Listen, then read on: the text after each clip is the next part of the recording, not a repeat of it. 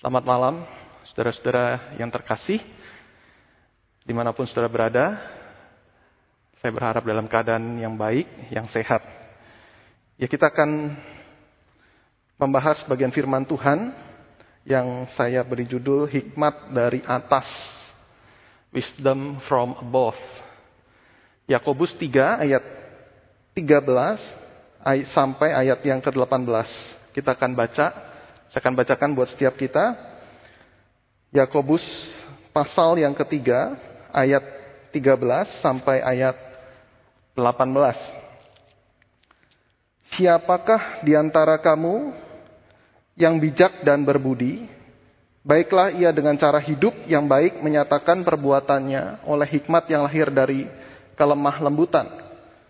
Jika kamu menaruh perasaan iri hati dan kamu mementingkan diri sendiri, janganlah kamu memegahkan diri dan janganlah berdusta melawan kebenaran. Itu bukanlah hikmat yang datang dari atas, tetapi dari dunia, dari nafsu manusia, dari setan-setan. Sebab di mana ada iri hati dan mementingkan diri sendiri, di situ ada kekacauan dan segala macam perbuatan jahat. Tetapi hikmat yang dari atas adalah pertama-tama murni, selanjutnya pendamai, peramah, penurut, penuh belas kasihan dan buah-buah yang baik, tidak memihak dan tidak munafik. Dan buah yang terdiri dari kebenaran ditaburkan dalam damai untuk mereka yang mengadakan damai. Demikian jauh pembacaan firman Tuhan. Berbahagialah setiap kita yang membaca, merenungkan, dan melakukan di dalam keseharian kita. Saudara perikop ini dimulai dengan kalimat, Siapakah di antara kamu yang bijak dan berbudi?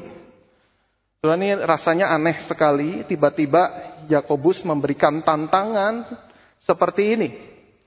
Saudara ini artinya ada kelanjutan dari perikop sebelumnya. Saudara, mari kita melihat perikop sebelumnya yaitu berkaitan dengan dosa karena lidah. Ternyata banyak di antara mereka yang sangat berambisi untuk menjadi guru. Ada ayat yang terkenal, janganlah banyak orang di antaramu mau menjadi guru. Itu ada di dalam perikop dosa karena lidah. Nah, saudara, ternyata ada banyak di antara mereka yang begitu berambisi menjadi guru, guru yang menyesatkan dan selalu menganggap diri paling bijaksana. Dan oleh karena itu, perikop yang barusan kita baca ini, Yakobus menantang guru-guru palsu tersebut. Mereka menganggap diri paling hebat, paling bijaksana, paling punya pengetahuan, oleh karena itu di ayat 13 dikatakan siapakah di antara kamu yang bijak dan berbudi? Betulkah kalian adalah orang-orang yang bijaksana? Apa jangan-jangan kalian adalah orang yang sok bijak? Dan hari ini kita juga akan belajar bersama. Pertanyaan itu juga dilontarkan kepada saudara dan saya. Betulkah kita adalah orang yang bijaksana? Apa kriterianya? Apa ciri-ciri orang yang bijaksana itu? Lalu bagaimana kita bisa menjadi orang yang bijaksana? Saudara yang pertama, ciri orang yang bijaksana yaitu selalu disertai dengan kelemah lembutan.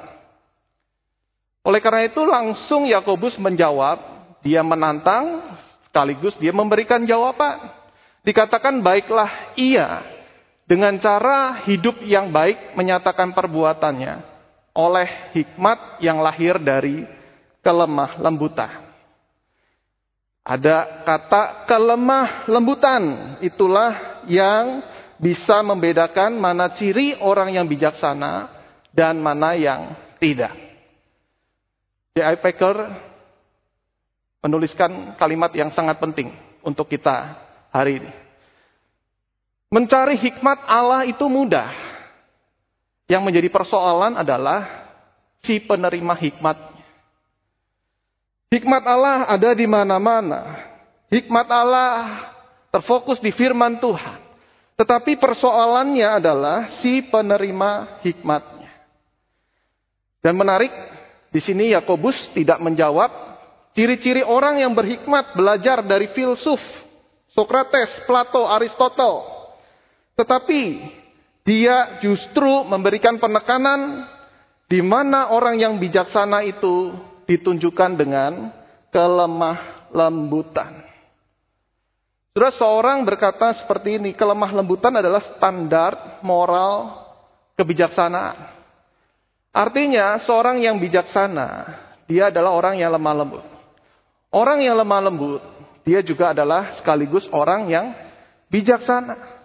Satu paket. Dan saudara, kita akan memikirkan apa definisi kelemah lembutan itu. Lemah lembut itu bukan sikap tidak berdaya, penuh dengan keraguan, apalagi lemah gemulai. Orang yang lemah lembut juga bukan berarti tidak pernah marah.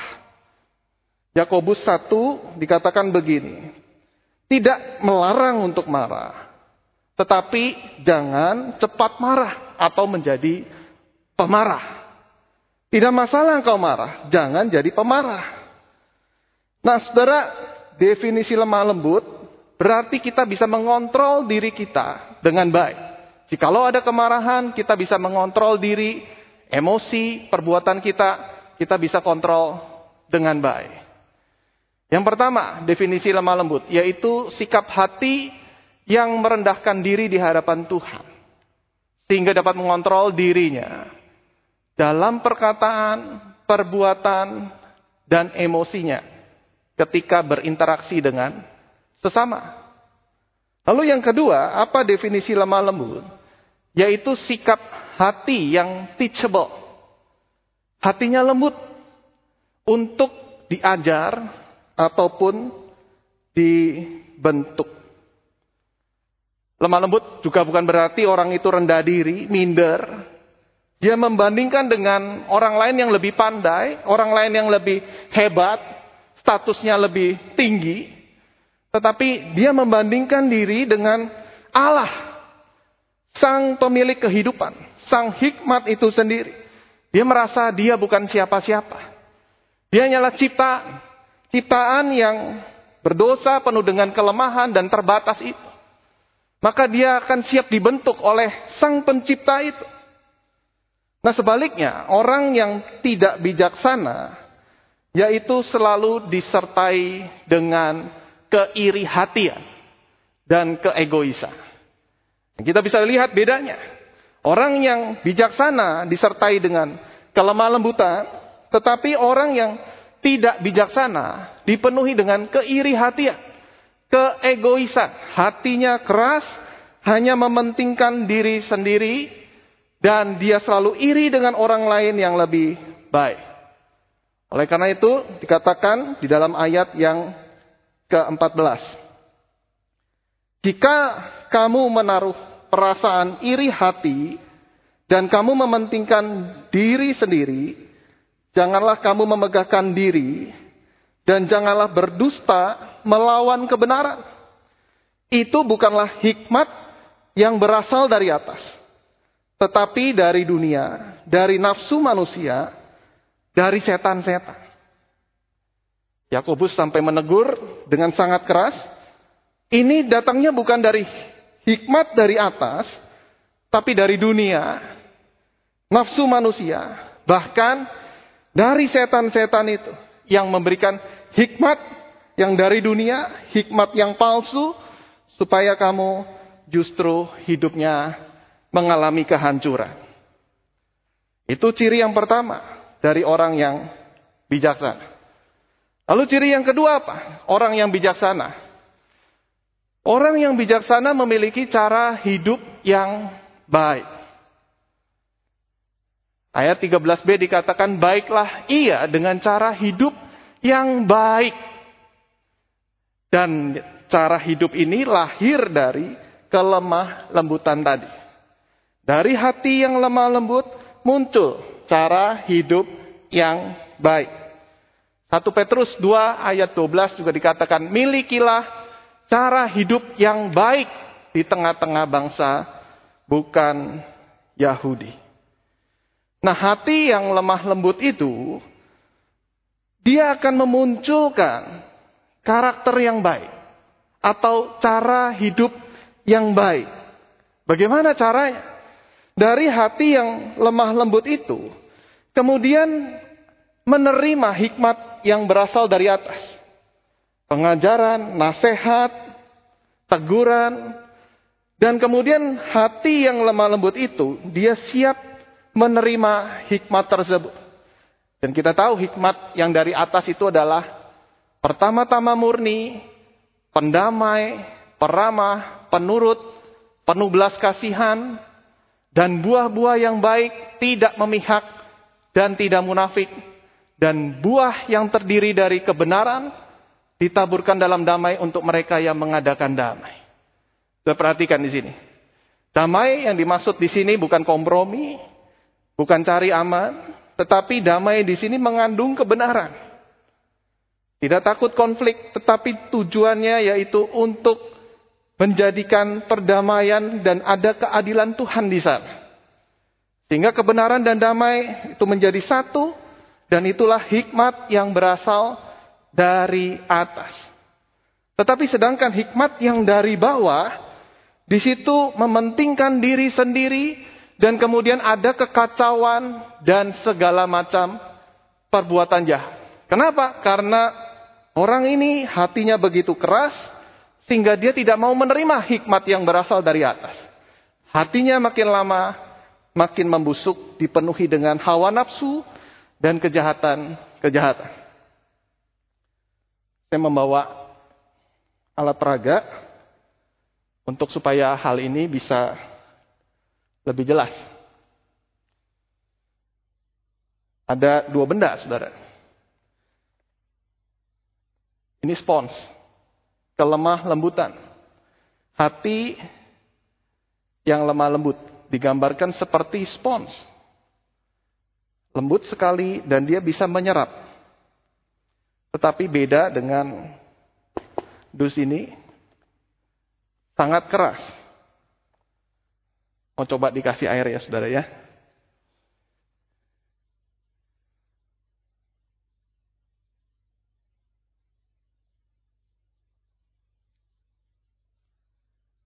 Ini hati yang lemah lembut. Lalu kemudian ada hikmat dari atas. Pertama-tama murni, peramah, tidak pendendam. Dan kemudian dia tulus, dia pendamai, dia melakukan kebenaran dan keadilan. Diserap semua hikmat ini. Sehingga karakternya sungguh-sungguh menjadi karakter yang bijaksana. Tetapi kalau kita perhatikan, ini dus yang keras. Begitu diberikan hikmat yang dari atas, dia tidak mau menerimanya. Dia mengeraskan hati dan akhirnya lambat laun hatinya dipenuhi dengan kejahatan-kejahatan. Dan isinya adalah sampah yang tidak berguna, kejahatan, perbuatan-perbuatan licik, dan kekacauan. Ini bedanya antara kelemah lembutan dan keegoisan. Dan pertanyaannya bagaimana kita sebagai orang percaya bisa memiliki hati yang lemah lembut seperti ini. Seperti spons ini yang bisa menyerap hikmat dengan begitu efektif dan hikmat itu ada di mana-mana. Dan ketika kita betul-betul bisa menyerap hikmat tersebut, yakinlah saudara dan saya menjadi orang yang bijaksana. Maka kita akan melihat ada beberapa cara. Yang pertama, saudara, bangunlah komunikasi yang baik dengan sesama.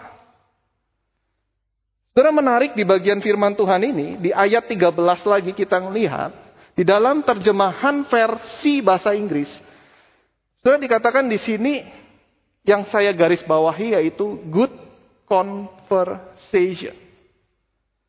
Good conversation. Ada komunikasi yang baik dengan sesama. Saudara artinya apa? Artinya hikmat itu teruji ketika kita berinteraksi dengan orang lain. Tidak mungkin orang dikatakan berhikmat tetapi dia hanya berdiam diri di kamar. Tidak ketemu dengan siapa-siapa. Tetapi justru hikmat itu teruji di dalam diri seseorang ketika dia berkomunikasi, dia berinteraksi, dia bercakap-cakap dengan orang, dan di situ akan terlihat hikmat karena itu, mari kita bangun komunikasi yang baik dengan sesama kita. Nah, dari komunikasi tersebut, kita bisa melakukan refleksi di dalam hati kita. Hati kita mengatakan apa? Ketika kita melakukan komunikasi tersebut. Apakah tadi saya menyinggung orang tersebut? Apakah ketika saya berkomunikasi, saya punya nada kesombongan untuk mempamerkan diri? Ketika saya bercakap-cakap dengan rekan kerja saya, apakah saya terkesan menggurui sehingga orang itu malas untuk bisa dekat dengan kita? Dan tentu ketika kita berkomunikasi, Kuncinya adalah kita mesti tanya dari orang tersebut. Ada yang diri kita tahu, ada yang diri kita tidak tahu, tetapi orang lain tahu. Ada yang orang lain tidak tahu, diri kita tahu. Nah, kita bisa memakai orang lain untuk menjadi cermin diri kita. Apa yang orang lain tahu, tetapi kita tidak tahu. Bagaimana caranya? Minta orang lain untuk memberikan evaluasi buat kita. Bagaimana selama ini saya berkomunikasi dengan kamu? Dan untuk bisa semakin akurat tentu butuh orang-orang yang lebih dekat. Dan tentunya adalah keluarga kita. Dengan pasangan, dengan anak-anak, kita akan terlihat secara transparan. Bagaimana kita sebagai suami, sebagai seorang ayah, kita berkomunikasi dengan anggota keluarga kita. Saudara bisa tanya kepada mereka, apakah kita punya hati yang lembut atau hati yang keras yang dipenuhi dengan keiri hatian. Dan itu akan tertampak pada cara berkomunikasi kita. Ketika mereka mengatakan bahwa cara berkomunikasi kita terkesan sombong, terkesan sepertinya tidak punya gairah hidup, sudah tangkaplah itu. Lalu kita betul-betul bertobat di hadapan Tuhan dan melihat hati kita. Dari hati yang lemah lembut ini, artinya kita mau bertobat, kita mau berubah, sehingga memunculkan untuk cara berkomunikasi yang lebih baik. Jangan malu untuk minta masukan dari orang-orang terdekat kita. Bagaimana kita berkomunikasi selama ini. Lalu yang kedua, mendekatlah kepada Tuhan, sang sumber hikmat. Sudah fakta yang menarik di sini, yaitu sang penulis atau Yakobus yang menuliskan surat Yakobus ini adalah saudara kandung Tuhan Yesus. Artinya ia belajar dari Yesus sendiri. Dia pernah dekat hidupnya dengan Yesus dalam satu rumah, dalam satu lingkup keluarga. Artinya Yakobus mengamati Yesus berurusan dengan orang banyak, berinteraksi dengan orang tuanya, dan juga kepada adik-adiknya, saudara-saudaranya. Sampai usia 30 tahun tidak terlalu banyak orang tahu tentang siapa Yesus. Tetapi Yakobus diam-diam memperhatikan itu. Pada awalnya Yakobus memang sempat meragukan Yesus. Misalnya kalau kita lihat Markus 6 ayat 3. Bukankah ia ini tukang kayu, anak Maria, saudara Yakobus, Yoses, Yudas, dan Simon. Yudas di sini yang menulis surat Yudas. Adik kandung dari Tuhan Yesus juga. Dan bukankah saudara-saudaranya yang perempuan ada bersama kita? Lalu mereka kecewa dan menolak dia. Maka Yesus berkata kepada mereka, seorang nabi dihormati di mana-mana, kecuali di tempat asalnya sendiri, di antara kaum keluarganya dan di rumahnya.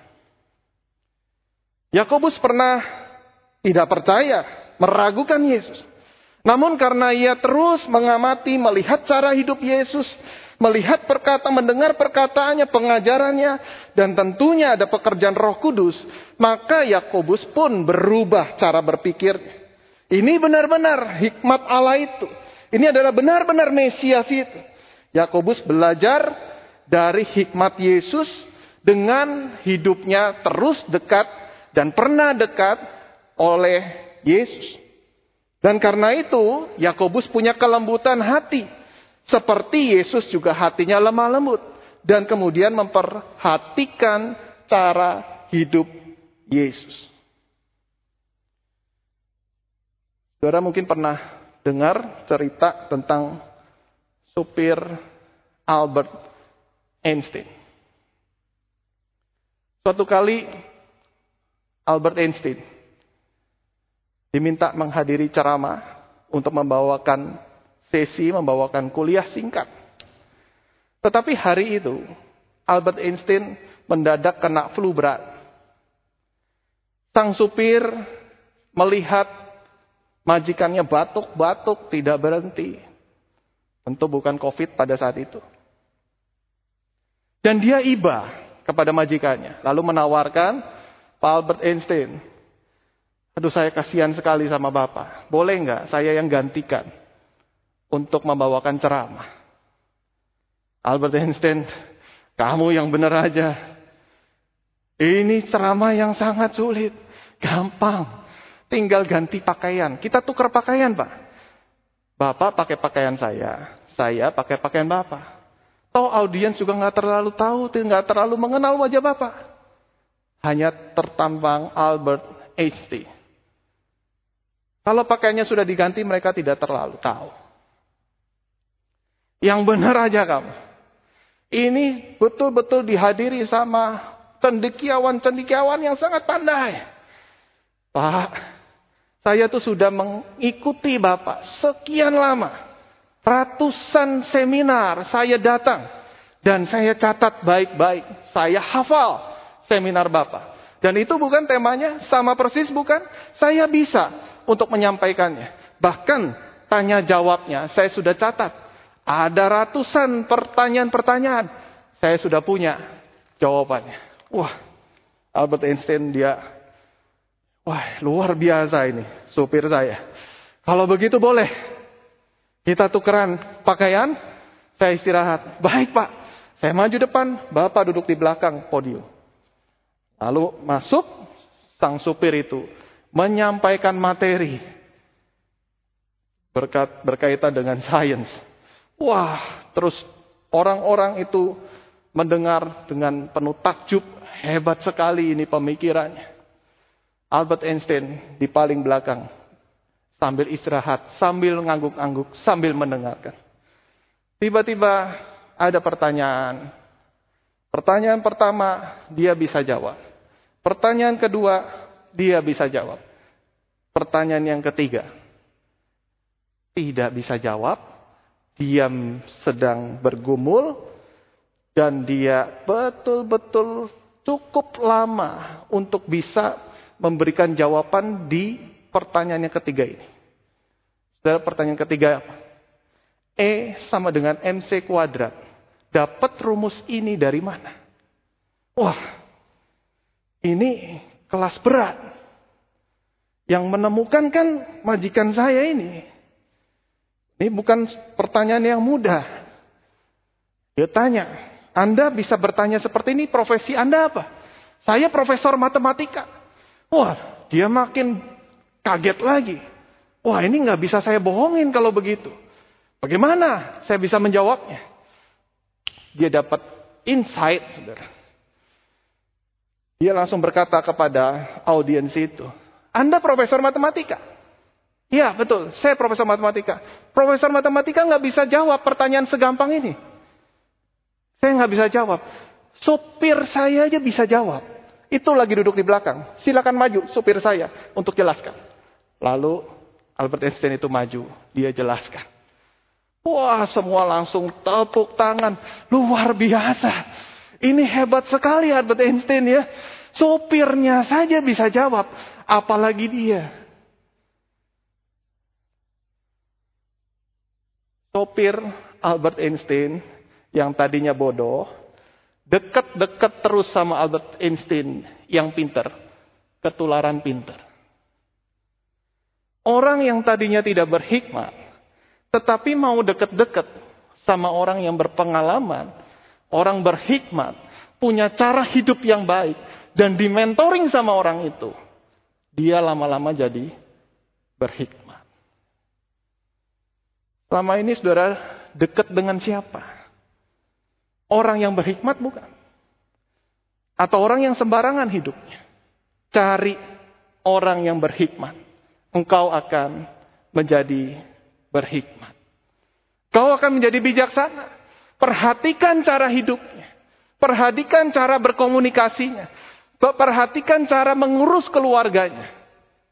Kau akan melihat ada hikmat yang dari atas akan diturunkan melalui orang-orang yang bijaksana kepada engkau dan saya.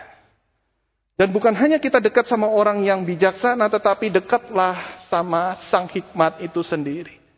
Firman Tuhan, terus kita baca, kita renungkan. Ada jutaan hikmat yang ada, yang bisa kita serap di dalam hati kita. Supaya hidup kita bisa lebih baik.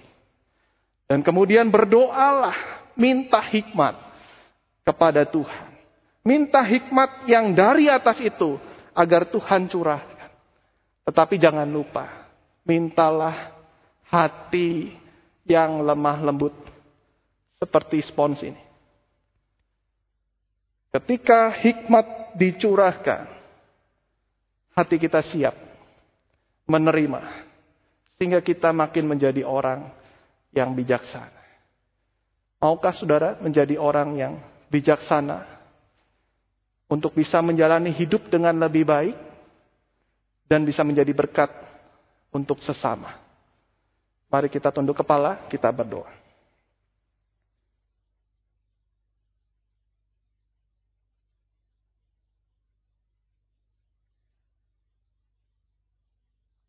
Bapa dalam surga,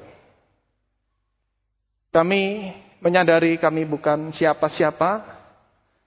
Kami bukan orang-orang yang berpengalaman. Bahkan kami sering kali tidak bijaksana ketika kami hidup.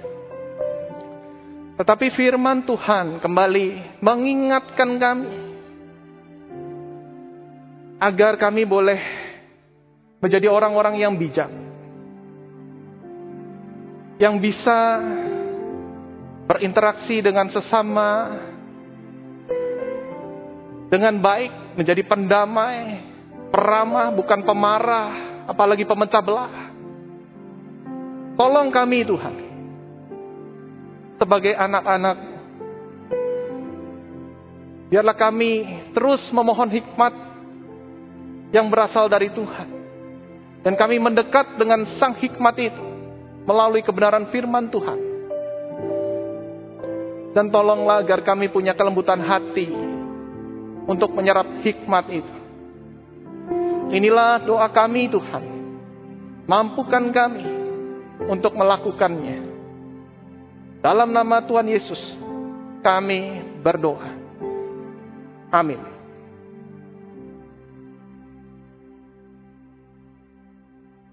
Doa Rabu selesai. Saat teduh, Tuhan memberkati kita.